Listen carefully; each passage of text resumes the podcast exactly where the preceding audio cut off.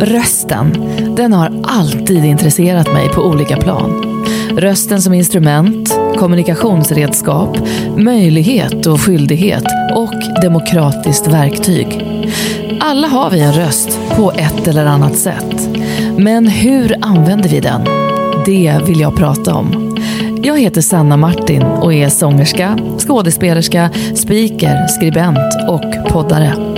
Välkommen till Din röst, en podd om rösten och dess makt.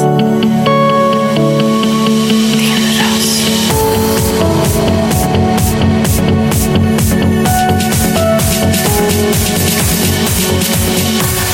Din röst.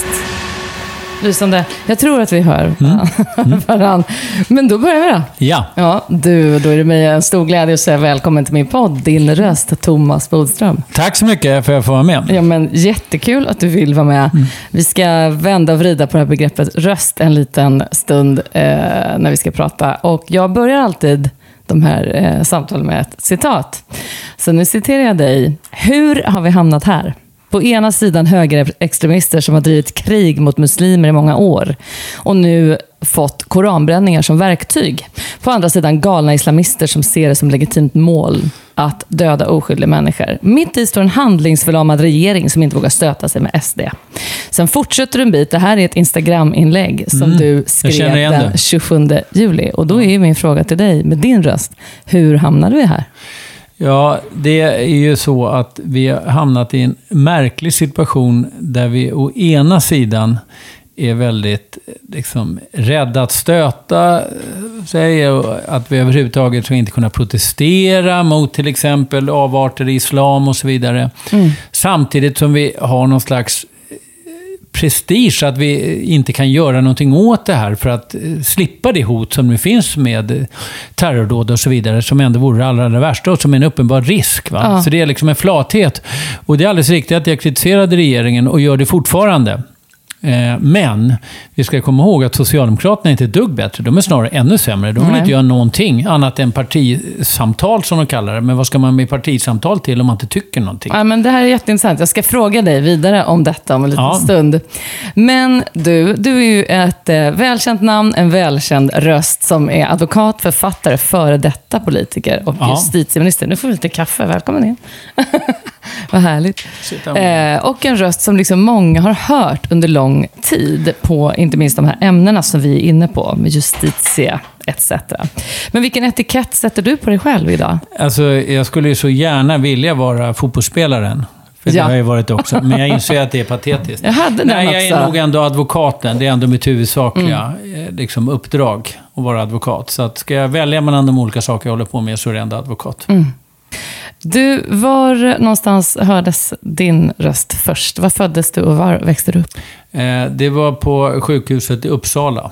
Akademiska sjukhuset i Uppsala 1962. Och din pappa var politiker Japp. och kom från Göteborg, eller hur? Ja, men han var inte politiker när, under min uppväxt, utan det blev han faktiskt senare när jag var 20 år och hade flyttat hemifrån. Jaha. Så att han var inte politiker, jag är inte uppvuxen i ett politikerhem. Han Nej. var ordförande i TCO. Men det är riktigt att han, eh, när han föddes i Strängnäs, men han bodde i Göteborg eh, sitt första levnadsår utan mamma och pappa faktiskt. Det blev en, eh, alltså en inverterad vårdnadstvist, där varken mamman eller pappan ville ta hand om honom. Oj, vilken Mm. historia. Ja. Men du, hur var det då i ert hem? Var det högt i tak? Var det svårt att få höras i denna familj? Eller förstod du tidigt att din röst räknades? Eh, Ja, det tycker jag. Det tyckte jag både min mamma och pappa, ingen av dem lever ju längre, eh, lyssnade på mig på det sättet att det var aldrig så här, det, får, det ska vara tyst vid matbordet eller någonting. Så var det aldrig. Utan alla fick säga vad de tyckte. Eh, och det var ganska mycket diskussioner. Eh, min pappa jobbade väldigt mycket, så han var inte hemma. Och när han var hemma så var inte han med alltid i diskussionerna. Men min mamma gillade att diskutera jättemycket, min syster och min bror också. Så att det var mycket diskussioner eh, och alla röster hördes. Och eh, hur var det för dig sen när du började skolan? Hur var din skoltid, skulle du säga, överlag? Jag var ganska stökig och bråkig, eh, hade svårt att sitta still och där hördes min röst nog väldigt, väldigt ofta. Eh, jag fick ofta kvarsittning som fanns på den tiden. Eh, och jag tyckte väldigt mycket om mina lärare. Och eh, det gjorde att eh, jag var väldigt aktiv på att göra det mesta utom själva skolarbetet, som jag inte var lika mm. duktig, eller flitig på framför allt. Eh, så att eh, där hördes min röst och jag var också aktiv i allt socialt och jag spelade fotboll på rasterna och så vidare. Så att, nej, det var full fart om man säger så. Ja, jag kan tänka mig det. Men du, din syster blev ju journalist ja. och du hamnade ju där du hamnade. Mm. Har du alltid varit intresserad av samhällsfrågor? Var det någonting ni liksom fick ja, med Ja, fast jag hade ingen tanke på att jag skulle bli politiker. Eh, utan jag ville bli advokat ganska tidigt faktiskt. Någon gång i gymnasiet bestämde mig för att jag vill bli advokat. Eh, och jag hade en bild av att en advokat alltid är den som kämpar ensam mot liksom, överheten, staten och de har så mycket resurser. Och den bilden stämmer. Ja. Det är faktiskt så många gånger. Så att eh, min bild av advokat och mitt intresse för att bli advokat, det kom tidigt och det fanns med hela tiden ända till jag blev det. Mm. Då fanns det inte själva juridiken som något mål. Nu tycker jag att juridiken har blivit väldigt spännande och särskilt i kombination med politiken. Ja. Politik och juridik hör ihop. Mm. Eh, och då tycker jag att även juridiken i sig, inte bara själva advokatuppdraget, har blivit spännande. Just det. Du äh, nämnde ju själv fotbollen, som har varit en jättedel av ditt liv, har jag förstått. Vad, vad hände där? Hade du liksom fokus på att sikta in dig på att bli proffs? Uh, ja, det hade jag kanske vissa stunder. Uh, och jag var ju ganska duktig då som barn. Men jag hade ingen press hemifrån, inget tryck hemifrån, så att jag slutade ibland och så fortsatte jag ibland. Men jag spelade i Djurgårdens pojklag och vi var väldigt bra. vi vann massor av matcher och hade jättemycket duktiga spelare och flera spelare kom till Allsvenskan sen. Så att, eh, det var, det var eh, stora satsningar på fotbollen redan som barn. Okay. Faktiskt. Eh, och vi tränade jättemycket. Mm. Jag tyckte det var det bästa som fanns. Ah. Så att även när jag inte tränade så spelade jag själv. Ah. Eh, och gick iväg till fotbollsplanen ensam med två bollar och sköt upp in i tomma mål. Så mm. att det har alltid funnits, det intresset. Och sen så har du varit tränare också väl? Ja, jag var tränare i USA och så vidare. Nej, jag har spelat faktiskt på själv. Jag tror att tränare i fotboll är nog väldigt jobbigt. Jag var tränare i USA när jag var 22. Så tränade jag mm. i ett college-lag. Okay. Men annars har jag inte varit tränare. Men alltså, nu slår det mig, det kanske jag tar bort om jag har fel. Men alltså, var du djurgårdare? Och sen jag spelade i Djurgården varit... som pojklag. Ja. Jag spelade en provmatch för Hammarby. Och jag spelade i AIK i Allsvenskan ja, men Det är det här jag inte får ihop Så jag är en av de få som har spelat matcher i Djurgårdströja, Hammarbytröja och AIK-tröja. Ja, då kommer jag inte inte klippa bort det. Det Nej. är ju underbart ja. att uh, det finns en sån person, mm. tänker jag. Du, uh, när blev du politiskt engagerad? Alltså politiskt intresse fanns det redan i skoltiden och jag tyckte det var kul att prata politik och så vidare. Allra först så var man ju mest intresserad av att gå på Moderata ungdomsförbundets fester, för de hade ju som policy att det skulle vara fri sprit och det tyckte man ju var tillräckligt för att man skulle välja dem. Men eh, sen kom samhällsintresset att öka ytterligare under gymnasiet. Och sen fortsatte det bara, men jag hade inga tankar på själv att bli politiker. Inga alls. Och när du, när du liksom ser tillbaka till de här åren då, när du tyckte det var kul att gå på de där festerna. Var du redan då så här partipolitiskt intresserad av Nej, liksom, att diskutera olikheter? Nej, Utan eh, jag röstade Socialdemokraterna första gången jag fick rösta. Eh, 1982. Men eh, det har aldrig varit så att jag alltid har tyckt att de är bäst och så vidare. Och jag är fortfarande mm. väldigt kritisk till dem. Bland mm. annat nu i frågan om koranbränningar. Och det har varit hela tiden. Men mm. jag fick frågan att gå med i politiken då invände jag lite så här, ja, men det är så mycket jag inte gillar med Socialdemokraterna. Och då fick jag ett bra svar av den dåvarande statssekreteraren. Som sa så här, ja, men det är då du ska gå med. Det är väl ingen mening med att gå med om du tycker att allt är bra. Det är för att vara med och förändra politiken och partiet som du ska gå med. Och det tyckte jag var ett väldigt bra argument. Vilket otroligt bra svar, för det här ja. kommer vi väldigt ofta in på i de här mm. samtalen. Att man kan vara, jag är en väldigt ambivalent väljare. Mm. Jag tycker det är skitsvårt. Ja. Jag har inget eh, liksom, hemvist parti. Mm. Eh, och jag pratar med flera, både nuvarande och före detta politiker, om mm. att det är liksom svårt att få medlemmar i partierna idag. Ja. Just på grund av att man inte känner sig liksom knuten någonstans. Men det där är ju ett väldigt ja, bra sätt att... Det är då man ska gå med, om man ja. inte tycker att allt är bra. Jag fattar, just det. Du, mitt intryck av dig är på något vis, vi har ju aldrig mötts tidigare, jag har bara följt dig eh, nu i senare liksom, tid mm. på Instagram, men eh, såklart känt till vad du har gjort och så vidare. Men det är ju att du liksom är en orädd typ. Att, du får, att jag får för mig att du liksom inte bryr dig så mycket om vad andra tycker. Ja, det Stämmer det? Är du eh, oängslig? Nej, men jag kan säga så här, att ger man sig in i debatten och har varit med i politik, då vänjer man sig lite grann vid eh, att vara en som kan kritiseras i media och så vidare och mm. diskuteras. Så sticker man ut hakan, då måste man ju också vara beredd på en smäll. Absolut. Och det är till och med så att när man kommer med olika förslag så vill man att någon ska slå tillbaka. För annars blir det ingen debatt, annars bara sjunker frågan direkt. Om jag skriver en eh, debattartikel och säger nu har regeringen gjort fel, eller nu har de och de gjort fel. Uh. Och så kommer inget svar. Det, det bara sjunker som en sten. Men om de säger nej, nej, nej, det är du som har fel, du har inte förstått någonting. Då är debatten igång. Just det. Och det är då som det blir spännande. Så att alltså utan, utan att man får några slag tillbaka, då blir det ingen debatt. Nej. Då är det ganska meningslöst att skriva en debattartikel om alla håller med. Alla säger ja, det var väl bra det där. Mm. Då är det helt meningslöst. Så att, eh, det har jag nog ändå vant mig vid. Men det som jag inte har vant mig vid, det som jag inte vill vänja mig vid och som händer några få gånger i politiken, det är när de på egna sidan sviker en, så att säga. Eller mm. alltså när man känner sig lurad, när man har blivit förrådd. Eh, och det är en eh, väldigt obaglig känsla. Och det händer ibland i politiken. Att folk som har sagt och lovat saker sen inte håller det. Vill du ta ett exempel? Nej, men det kan vara till exempel, jag vet att vi eh, hade en överenskommelse om att vi skulle bekämpa terroristlagarna. Eh, eller bekämpa, bekämpa terrorism genom nya lagar och överenskommelser i Europa och så vidare. Och vi hade överenskommelser med alla, nästan alla partier i riksdagen. Och vi var överens om det. Det var liksom avtal för det här och vi skulle driva det ner i Europa. Och sen fick jag höra på media att det partiet hade hoppat av på ett sätt så att de inte ens hade meddelat mig och de gjorde det väldigt svekfullt för då hade vi redan sagt upp att vi skulle gå med på det här och de försatte mig i en väldigt svår situation och det var hela poängen med det. Och jag tyckte också att de satte sina egna intressen för eh, det bästa för Sverige. Mm. Eh, och det, det var ett sånt svek. Ja, jag förstår. Okej. Okay. Mm.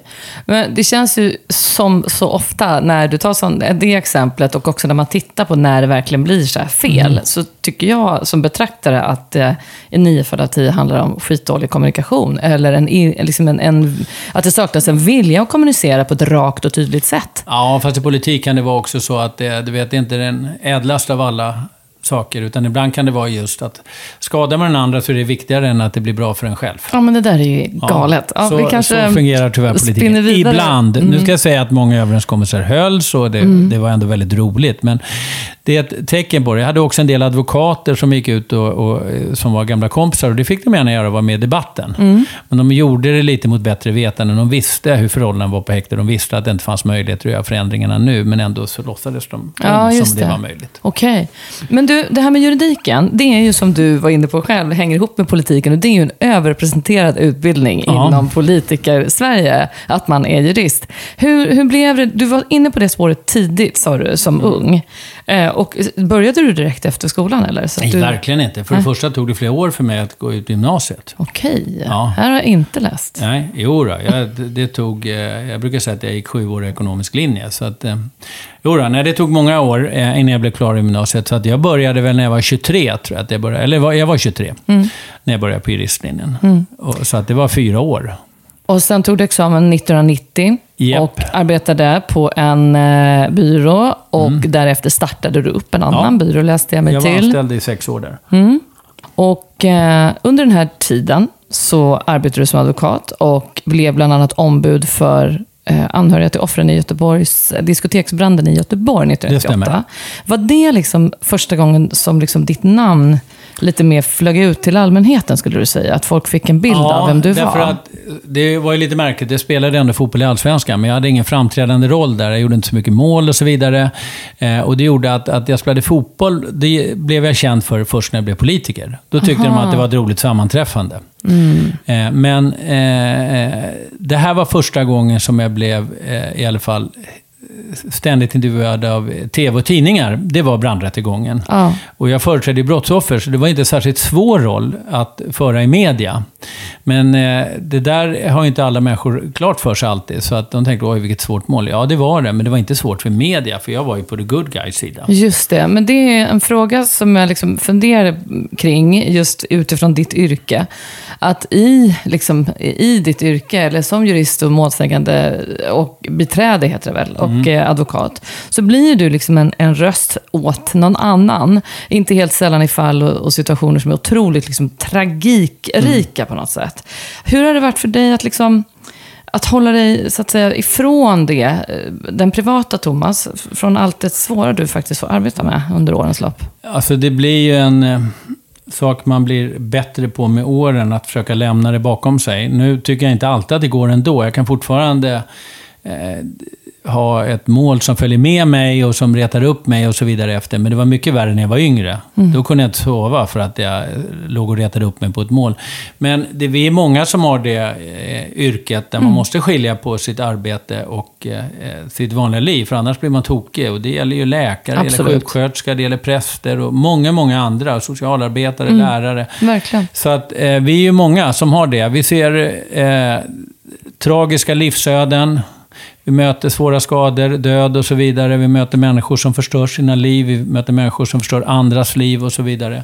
Eh, och allt det där måste vi kunna hantera inom ramen för yrket. Men samtidigt så måste man ju vara engagerad i ah. rättegångarna. Så mm. man får inte bli för tillbakalutad. När man säger nej, nej, det där har inte jag med att göra. Nej. Utan man måste vara engagerad. Men det svåra är ju att vara engagerad under arbetsdagarna, men försöka koppla av på kvällar och helger och sånt. Mm. Utifrån temat i den här podden, eh, med röst och engagemang, så eh, brukar jag alltid prata lite om det här med retoriska greppen och det här med att tala inför andra. Och då träffade jag i vintras träffade jag Jens Lapidus, som mm. ju har samma utbildning som du.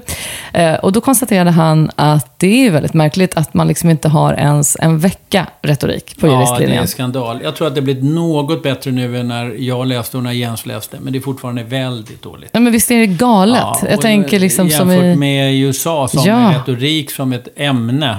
Och det märker man ju mycket vältaliga amerikaner är. Absolut. Jag har varit i rättegångar i USA. De är helt fantastiska, eh, advokaterna och åklagarna. Mm. Eh, helt otroliga. Men även när man hör amerikaner bli intervjuade på gatan, så är de så oerhört mycket mer vältaliga mm. än vi svenskar. Ja. Utan de får med sig det där från modersmjölken. Det är klart, och de har speech sig. i ja. lågstadiet. Ja. Det är klart att det händer någonting. Ja. och det är märkligt, kan jag tycka. Det är väldigt synd att vi inte har det, på, i vart fall på juristlinjen i större Men eller hur? Att, när ni vet att ni ska in i en sån där arena. 2000, år 2000, så blev du Sveriges justitieminister. Ja. Ett oväntat val verkade de flesta vara ense om i ja, det läget. Ja, även för mig. du måste mm. berätta. Hur gick det till när du fick den här frågan? Nej, det var märkligt för att jag hade ju, eh, jag hade ju eh, inte ägnat mig åt politik. Jag blev uppringd av Per Nuder, som sen var finansminister, men då var statssekreterare åt Göran Persson. Han undrade om jag hade någon namn på vem som kunde bli justitieminister, för Laila Freivalds hade avgått. Mm. Och jag räknade upp några jag kunde komma på, Claes Borgström och så vidare. Jag känner, jag känner inte Per så bra, men jag hade träffat honom. Så jag tyckte ja. inte det var så konstigt att han ringde mig och frågade om... Han ringde väl runt till alla jurister ja, han kom på. Mm. Och sen frågade han, och du då? Och då blev jag väldigt, väldigt förvånad. Eh, men eh, det här eh, var ju väldigt märkligt och det, det, det, var ju flera turer innan jag blev det. Det gick några dagar och så vidare och, och, och det, det, var helt overkligt. Så att, Men fick du frågan där och då? Nej, nej, inte alls. Utan jag fick för. en intresseförfrågan. Ja, ja, ja. Ja. Han luskade lite. Ja, han, och sen så dröjde det några dagar. Och, sen så, och det var tal lite om att jag skulle bli biträdande justitieminister och så vidare. Mm. Så att, eh, sen, sen ringde chefen. Vad sa du? Sen, sen, ringde, sen ringde Göran Persson när jag satt på bil på Centralbron och frågade Eh, man kanske inte ska ställa en sån här fråga på telefon, sa men nu gör jag det ändå. Vill du bli Sveriges justitieminister? Då höll jag på att köra diket. Men, men vad kände du då? Nej, det var helt overkligt. Det var lite så här, det här är inte sant. Så att, eh, och då vid det laget, då var du 35? Nej, var du? Nej, 38. 38. Mm. Hade ett gäng barn.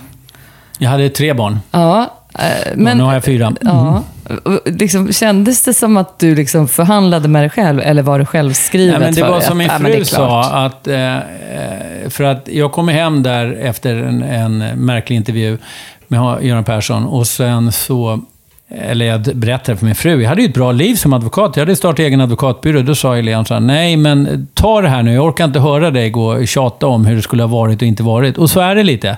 Ja. Eh, när man väl har fått frågan så är det redan kört på något sätt. Man kan inte tacka nej till något sånt. Nej. Och det vet vi att du inte gjorde. Mm. Eh, men eh, jag läste ju då, vi var inne och snuddade på det där innan, att du, du gick med i partiet samma ja. dag du fick frågan. Ja, det, det, här är så intressant tycker jag, för att som jag nämnde, jag är superambivalent. Skulle någon ringa och fråga om en ministerpost så skulle jag inte veta vilket parti jag skulle ens liksom snegla åt. Eller ja, snegla skulle mm. jag veta. Men eh, jag pratade med Alice Bakunka om det här i höstas också. Att, mm. Måste man vara med i ett jäkla parti? Mm. Kan man inte bara vara rätt person för jobbet? Jag kan, ja. jag kan själv bli lite trött på det där liksom, partibundna. Eh, men det var ju bara bitar i det sura äpplet för dig då att gå med. Ja, men nej, men det var inget surt äpple vara med. Jag hade ju röstat på Socialdemokraterna och jag hade inte tackat ja om det varit några annat parti som hade frågat. Nej. Men eh, Göran Persson tog liksom för givet, min pappa hade ju varit eh, men han missade att min brorsa, han är moderat, så egentligen var det bara 50 procent att han, att han frågade rätt person. Just men nu gjorde det. han det. Mm. Och, det har, ja, och du, du är med sen dess i alla fall. Jag är medlem sen dess. Mm.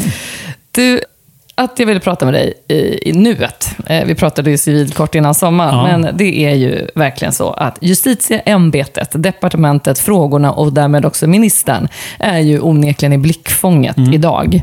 Och eh, jag tänker att det finns rätt mycket scener att vända och vrida på här. Ehm, Först, alltså, hur tänker du kring allting som du ser och som händer och som sker i samhället nu? Alltså det är ju så att eh, regeringen är ju helt beroende av Sverigedemokraterna.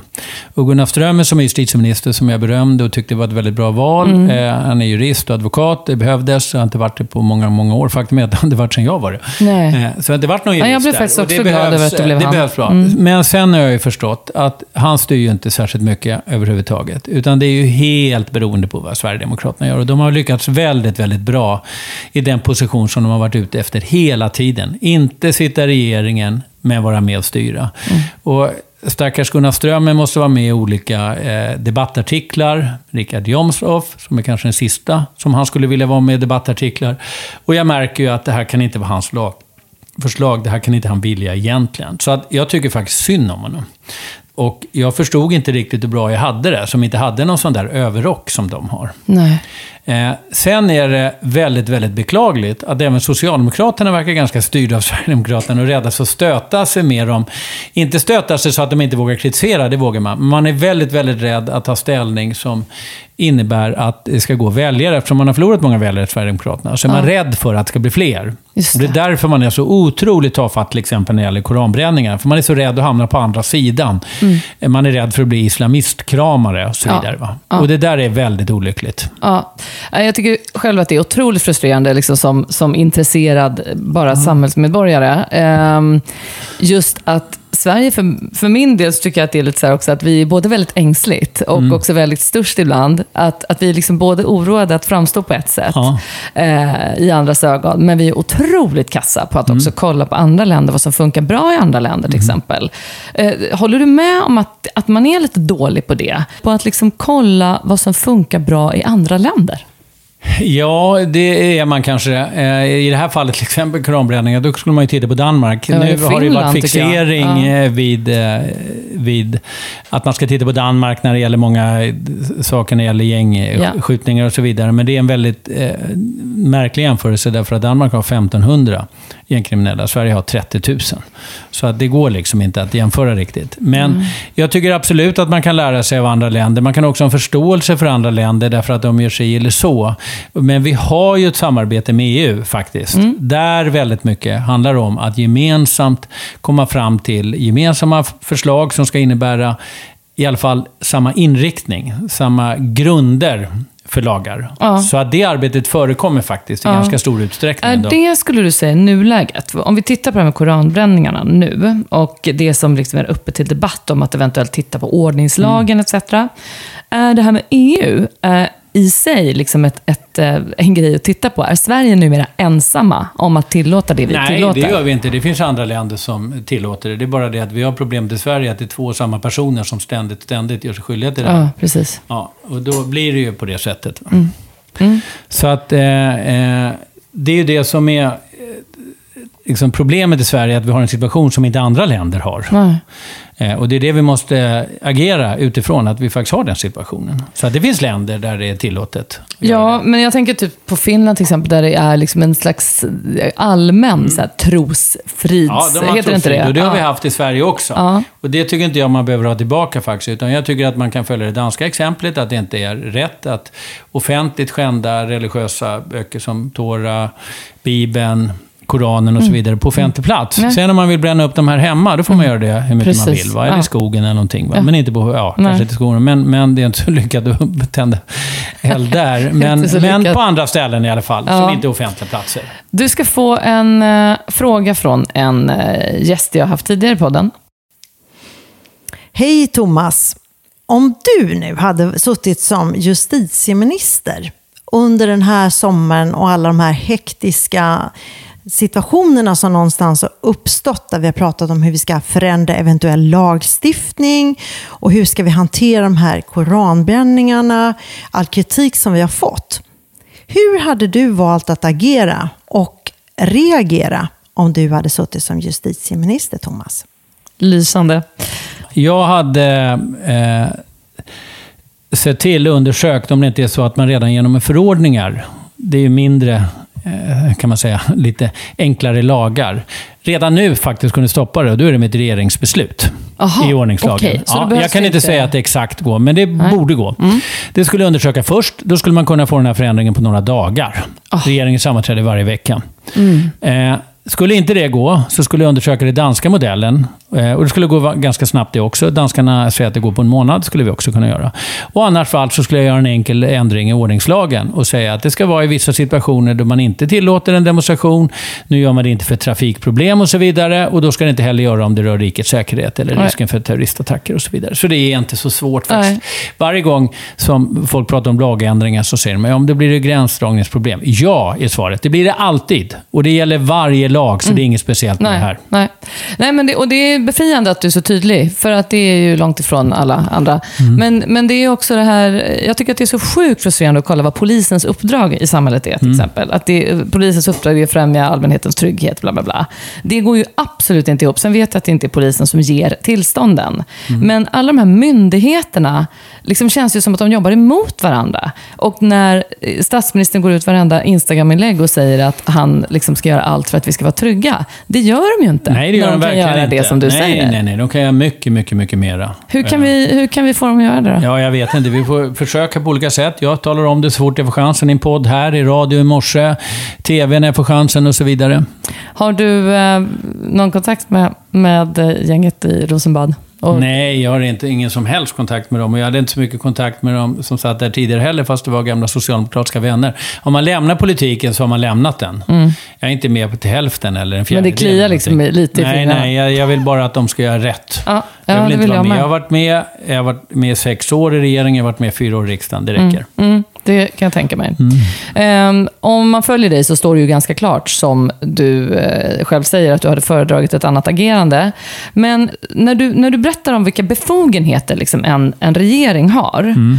Så menar du att vissa saker kan gå på några dagar, eller någon vecka eller någon månad. Men när det ska till ett riksdagsbeslut, det är det som folk lutar sig mot, det argumentet då, att det är det som tar sån tid. Ja. ja. Men okay. det behöver inte ta så lång tid. Nej. Man gör saker och ting snabbare också. Man kan ha ett snabbspår mm. till riksdagen. Mm. Så att vill man så går det. Otroligt. Men vill man inte så går det inte. Men Nej. i det här fallet så är det ju så att jag tror säkert att Moderaterna eh, och Liberalerna gärna skulle förbjuda det här. Men då får de SD på sig. Och då kan de säga att nej, men då kan det inte fortsätta vara regering.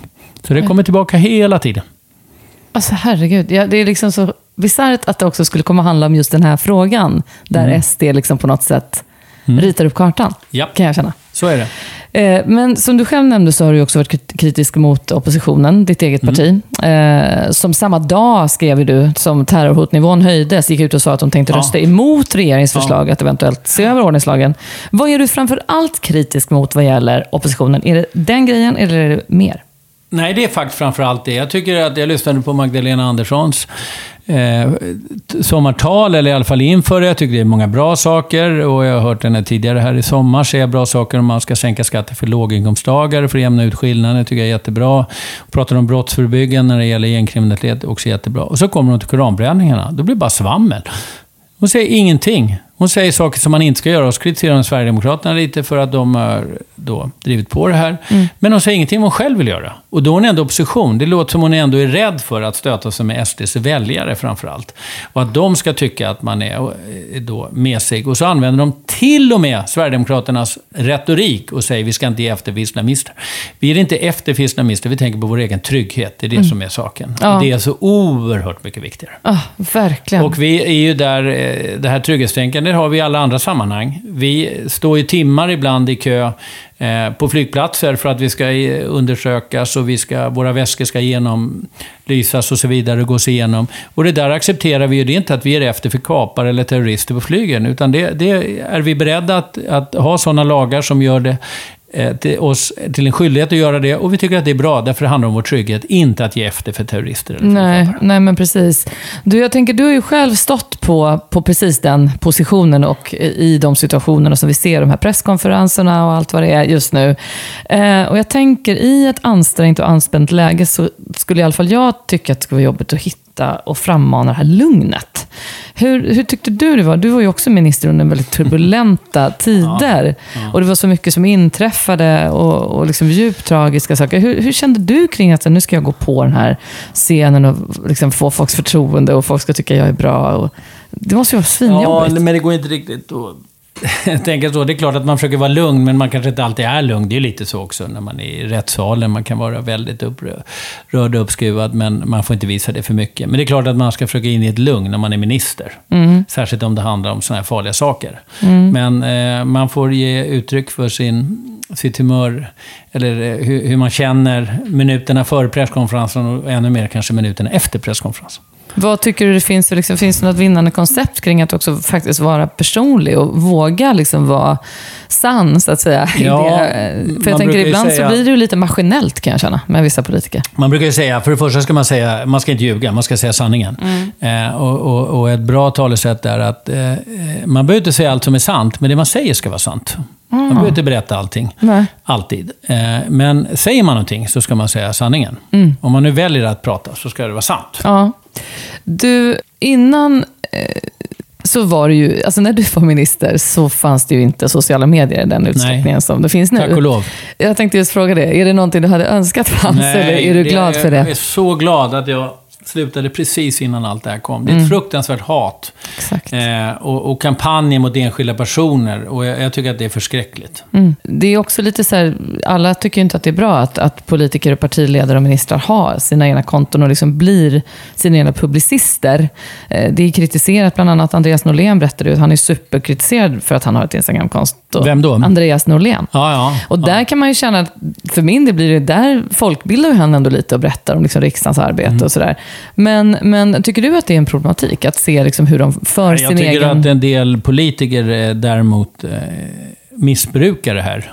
Och ägnar sig åt just hatkampanjer. Ja. Det är en brist på eh, alltså insyn. Eller vad säger man? Det är brist på respekt för demokratin. Mm. Att eh, skriva så illa om sina politiska motståndare. Trots att demokratin betyder att vi ska ha olika åsikter. Och det ska finnas personer på olika sidor. Mm, precis. Så det tycker jag handlar mer om ett missbruk. Nu finns sociala medier och det är klart politikerna också ska ha sociala Ja, men det kan jag också tycka. Hellre det än inte Ja. alls. För att det blir också mer begripligt, så att säga, det Absolut. man gör. Sen när du, när du väl, valde att lämna eh, 2011, så eh, flyttade ni till USA, va? Vi flyttade familjen. 2010 och bodde där 2011. Vi bodde där Ja. ett år. Och hur var det? Det måste ha varit rätt vältajmat, tänker jag. Det var väldigt vältajmat efter tio år i politiken. Ja, Absolut. att ta liksom ett steg bort, rent bokstavligt. Ja, ja. Du, övergången då, från att ha varit i den politiska hetluften till att bli jurist igen. Hur var den för dig? Ja, det var, jag tyckte det var roligt att komma tillbaka till advokatyrket. Men det är inte alldeles bara eh, så enkelt att sluta med politik. Särskilt inte när man slutade som minister, när man ändå hade ett inflytande. Plötsligt så var liksom makten borta. Det var som sand som rinner genom fingrarna.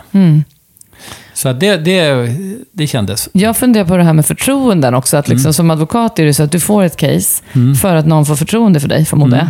Så är det i mångt och mycket i många andra yrken och även i Ja. politiken. Men fanns det någon form av liksom filter där, eller ett glapp mellan liksom perioden efter politiken tills det faktiskt trillade in grejer till dig? Eller var folk rädda för att anlita dig? Ja, faktiskt var att jag var så förknippad med politiken. Ja. Att när jag startade advokatbyrån med Claes Borgström, som då hade varit JämO, då var det många som inte riktigt förstod att vi faktiskt var advokater nu. De tyckte att vi fortfarande var lite politiker och JämO.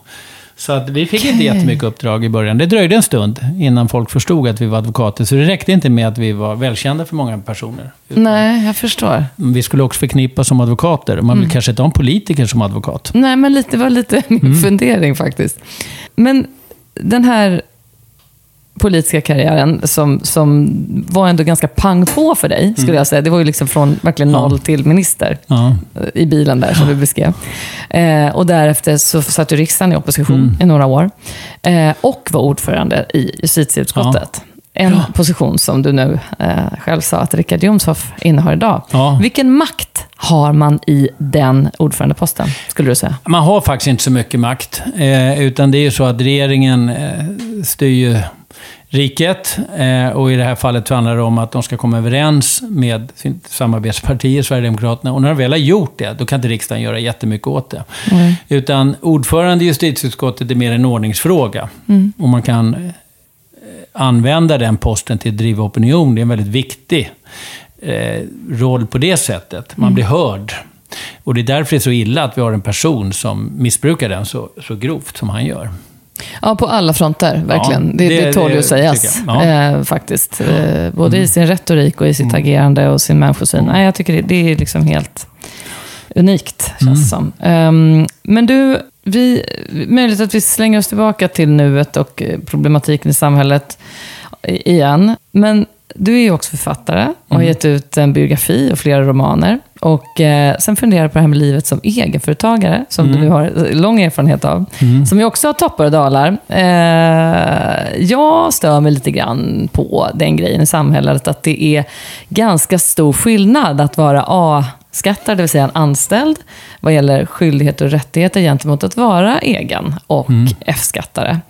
Det är långt fler skyldigheter och inte alls lika mycket rättigheter. Där tycker inte jag systemen i samhället har hängt med överhuvudtaget. Du menar för egenföretagarna? Ja, menar jag. Hur ser du på det? Har du funderat på det?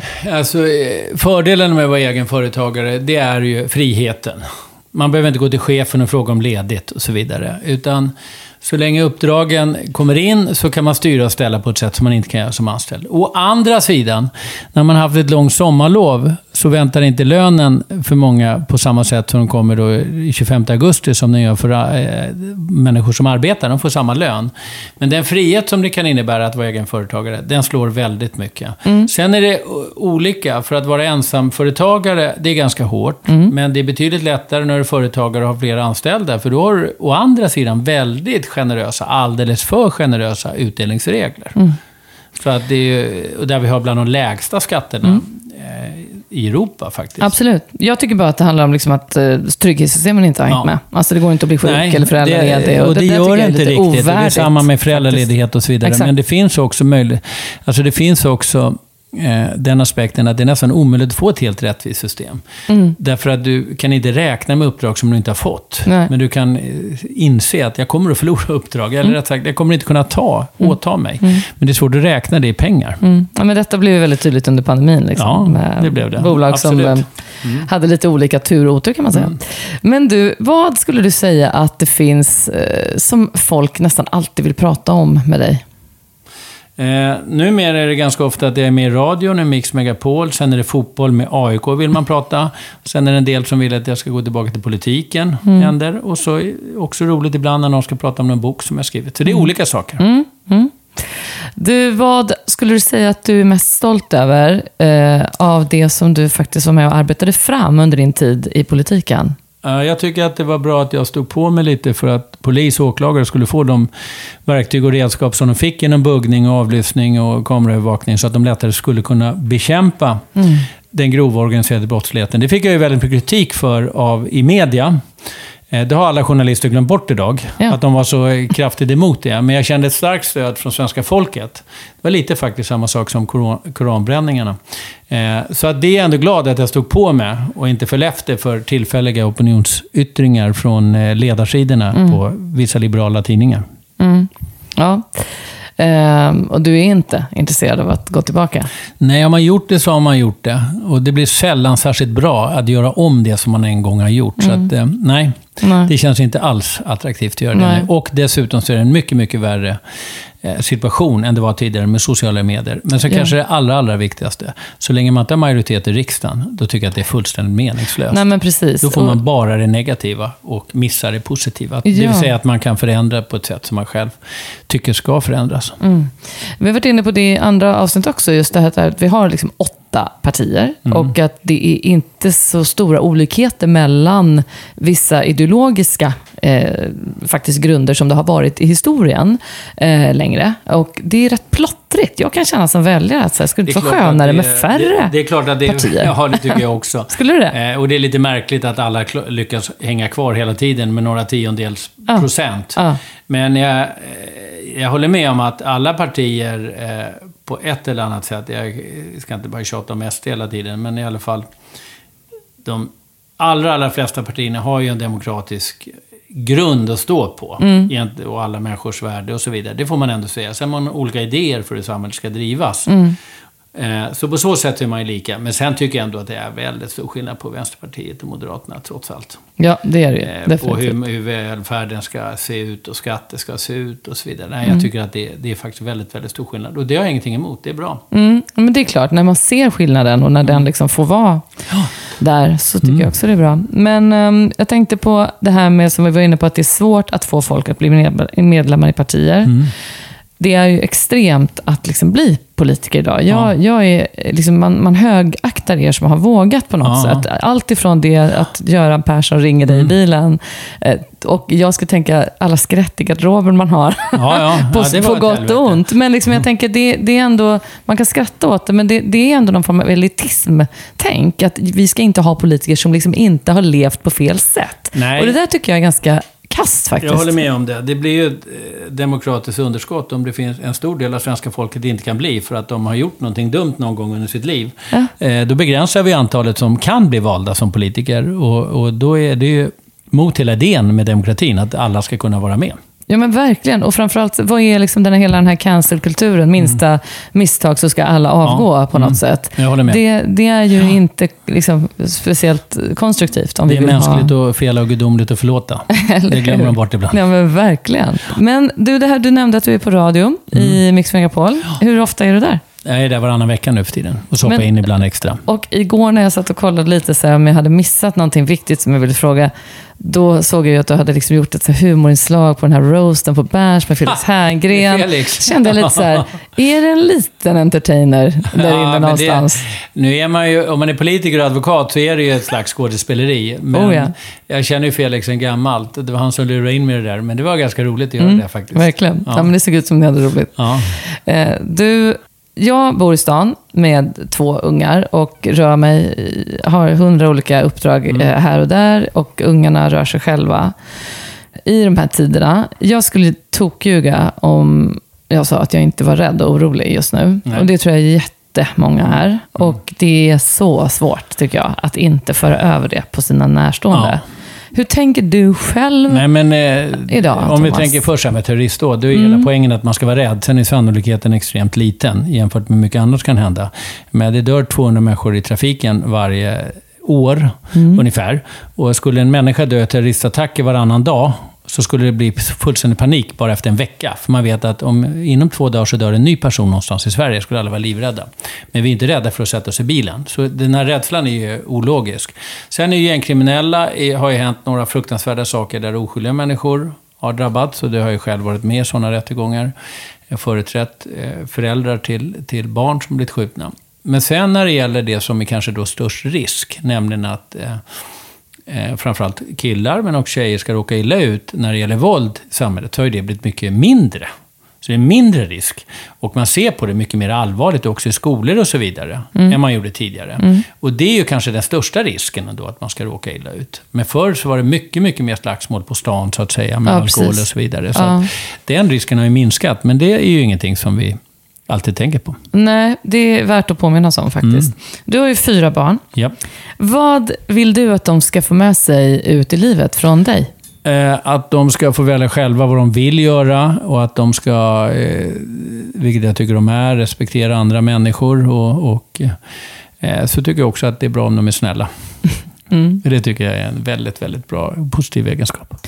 Du eh, snuddade vid att du har arbetat eh, med fall som rör gängkriminaliteten, Mm. som ju verkligen har varit på agendan under ett tag nu. Vad liksom, vill du säga om den frågan för medborgare som går runt och bara funderar på den frågan? Händer det någonting där? Det är ju också no en fråga som faktiskt känns ibland, skulle jag säga, som att den har gått i stå i debatten. Att det liksom är samma sak. Ja, det är ju för att partierna säger ungefär samma sak. Ja, verkligen. Eh, jag tycker absolut att det finns många människor som inte behöver vara ute, som faktiskt bör sitta i fängelse därför att det har gått så långt så att de är, in, de är liksom bortom all räddning, om man mm. säger så. Men om vi inte försöker stoppa nyrekryteringen så kommer vi aldrig komma till bukt med det här. Och det är ungefär som att gå runt på en gigantisk jätteäng, hela Gärdet i Stockholm, med en liten nagelsax och försöka klippa bort varenda maskros utan att det växer upp nya bakom ryggen på oss. Det gör det hela tiden. Så att vi har en dålig skola, vi har en dålig eh, bostadspolitik, vi har områden där det är inte alls bra att bo och där det är svårt att växa upp.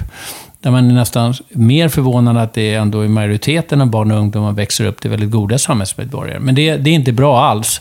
Vi har sociala och ekonomiska skillnader som är grogrunden för mm. brottslighet. Så det är så väldigt mycket som behöver göras. Jag tror att det kommer bli bättre. Inte inför så avlägsen framtid, men det kommer inte vara politikerna. Utan det kommer vara gängen själva. För det här är ingen bra situation för dem heller, att hålla på och skjuta varandra. De vill inte heller dö mm. och sitta i fängelse på livstid. Eh, utan jag tror att de kommer göra upp och dela upp marknaden, narkotikamarknaden och så vidare. Då kommer att säga, åh vad bra att vi har kommit till rätta med det. Men det kommer vara de kriminella själva som gör det Men från politiskt håll då, vad hade du önskat i den frågan här och nu? Jag hade önskat att man eh, såg till att förändra vissa eh, lagar som skulle göra det lättare att få människor att berätta. Mm. Eh, personer som eh, skulle också arbeta mycket, mycket mer med det brottsförebyggande. Och brottsförebyggande blir flummigt. Men det handlar om skola, det handlar om socialtjänst, det handlar om att också ge resurser till det. Det är en ekonomisk fråga. Men det är ganska osexigt för politiker och därför pratar de inte så mycket om det. Trots att man vet att det är det som gör resultat. Jag skulle vilja eh, göra som i Danmark i det fallet, det vill säga ta bort många bostadsområden som är väldigt destruktiva. Mm. Och ersätta dem med andra helt enkelt. Mm. Okej. Okay.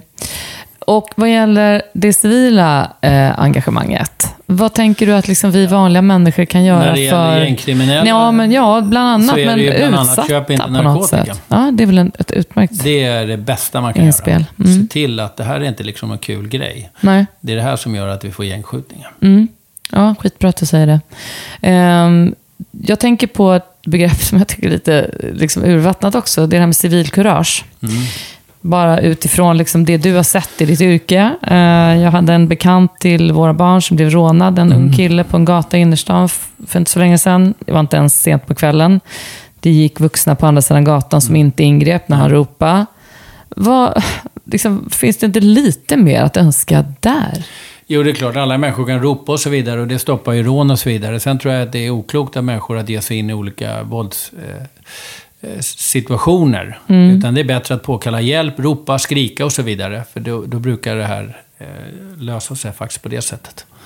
Men jag tänker att en, allt engagemang, det, det som din, eh, vem det nu som sa det till dig, Per Nuder, att liksom det är nu du ska gå med i partiet, mm. eller vad han sa. Mm. Att, att liksom det går inte att sitta hemma, eller din fru var det som sa det, att mm. hon inte orkade höra dig sitta Nej. och tycka. Mm. Det är ju ganska mycket gnäll så på Facebook och Twitter och Instagram. Ja. Det heter inte ens Twitter längre, men i alla fall. Vad tänker du så här, vad, jag brinner lite grann för att unga ska fatta att de räknas, att ja. deras röster räknas, att vi bryr oss om dem och att de ska rösta mm. och mm. Engagera sig. Hur tror du vi kan, liksom, vi som är lite vuxnare, kan smitta unga? Att, att liksom stötta deras engagemang i det de tycker är viktigt? Ja, naturligtvis lyssna på dem och visa att de faktiskt menar, att vi menar det, att det inte är bara någonting som vi säger. Mm. Det är väl ändå det bästa mm. vi kan göra mot barn och ungdomar. Mm. Att se till så att deras röster hörs. Är du eh, orolig för världen? Ja, det är jag absolut. Jag är väldigt orolig för världen med tanke på vad som händer i Ryssland och Ukraina. Väldigt orolig. Och det stora problemet var ju att Ryssland fick för sig att de delar av Ukraina som sen blev ockuperade, att de ansåg att det var rysk mark. Det var ju där allt förstördes. Ja. Därför då kunde ryssarna inte plötsligt ha någon väg ut, för då måste de ge bort det som de kallar för sin sin del av sitt land. Och det var där den verkliga låsningen kom. Annars hade Putin kunnat ljugit sig ur det som man ljuger om allting annat. Och säga, vi är klara med operationen nu, vi har eh, sett till att inte nazist kunna köra alla sina lögner. Mm. Men eh, nu blir det ju väldigt svårt, jag kan inte se riktigt faktiskt hur det här ska lösa sig. Det ser väldigt illa ut. Så Nej. jag är absolut orolig Är det det som gnager mest i dig? Liksom Ja, sen är det krigets- klart att hela miljökatastrofen och vi har AI som jag inte riktigt förstår, men som ändå känns obehagligt. Så att eh, världen ser ju betydligt sämre ut nu än den gjorde för tio år sedan. Mm. Eh, Jag frågar alla mina gäster vad, ehm, eftersom ja, nu är det snart ett år sedan som det var val sist och eh, det ska väl förmodligen bli ett gäng till här framöver. Hur, eh, hur förhåller du dig till ett riksdagsval? Vad, vad gör ett valår med dig nu, när du inte är i politiken? Är det någon lampa som tänds inom dig när valrörelsen det är drar klart igång? att det eller? gamla minnen och så vidare. Nu var inte jag med i valrörelsen, utan jag var inte med mer än att det blir många fler diskussioner på arbetsplatser och bland vänner och så vidare. Och det är ju sunt inför Ja. ett val. Ja. Tycker du att det har varit eh, att det har blivit svårare att diskutera politik med tiden? Att liksom vi är lite mer så här lättkränkta idag? Att det är liksom lite svårare Nej, det tycker jag faktiskt inte. snacka politik? Nej, jag tror att vi kan prata politik på samma sätt som tidigare. Tycker? Däremot. Mm. med sociala medier så blir det ju väldigt hätskt och det, det blir inte särskilt konstruktivt. Nej, det är inte så bra diskussionsforum alltid. Nej. Eh, om du fick vara minister igen, Ja. som du inte vill, vilken minister skulle du då se till att bli? Nej, och vad skulle skulle du göra? Skulle du det? Ja. Du skulle inte sno statsministerposten? Nej, det, det, det går inte. Okej. Vad var det första du skulle ta tag i om du blev minister igen? Eh, jag skulle ta tag i... Eh, men jag skulle ändå göra vad jag kunde med det förebyggande gängkriminaliteten för att stoppa rekryteringen. Det skulle jag göra. Hur vill du helst använda din röst framöver? Genom att fortsätta med debatter eh, i radio och tv och så vidare som är med i, men också höra min röst i eh, advokatsammanhang i rättssalen för det som de personer jag representerar och för det jag tror på. Men också min röst genom att det skrivna ordet, genom att fortsätta att skriva böcker. Det var ett nöje att få prata med dig. Ja, det var roligt att vara med. eh, Tack snälla för att du ville vara med. Ja, tack själv. Och tack för att ni lyssnade och välkomna nästa avsnitt igen. Hej!